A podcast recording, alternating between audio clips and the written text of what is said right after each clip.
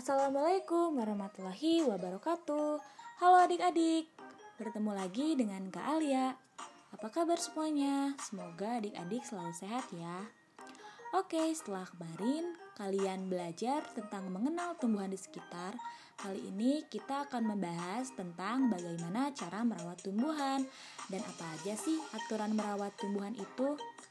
Oh iya, sebelum mendengarkan podcast ini lebih lanjut, jangan lupa persiapkan alat tulis ya. Adik-adik, kalian tahu tidak bagaimana cara merawat tumbuhan di sekitar? Yuk kita cari tahu bersama-sama. Pada episode sebelumnya, sudah dijelaskan mengenai tumbuhan di sekitar kita. Lantas, ada apa saja tumbuhan di sekitar kalian? Apakah tumbuhan yang disebutkan di episode sebelumnya ada di sekitar kalian? Jika ada, apakah kalian tahu cara merawat tumbuhannya dengan baik?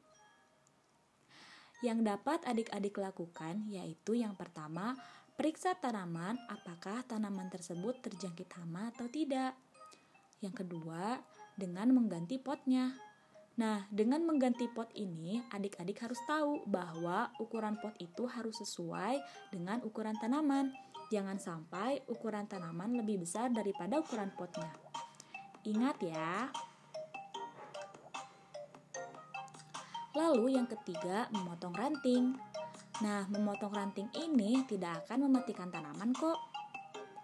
Kemudian yang keempat yaitu dengan memberi pupuk alami atau organik.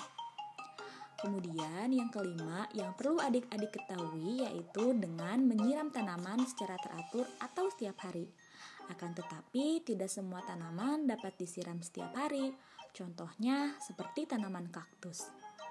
Kemudian yang keenam, jangan sampai tanaman tersebut tidak dapat cahaya matahari.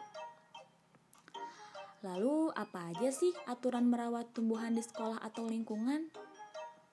Yang pertama, adik-adik tidak boleh memetik tumbuhan secara sembarangan. Yang kedua, yaitu tidak boleh menginjak tanaman atau tumbuhan.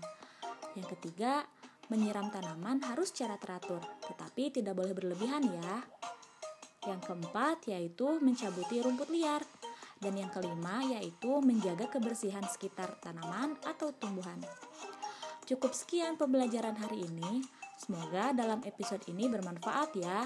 Ingat, jangan lupa untuk selalu merawat tumbuhan kalian. Terima kasih. Wassalamualaikum warahmatullahi wabarakatuh.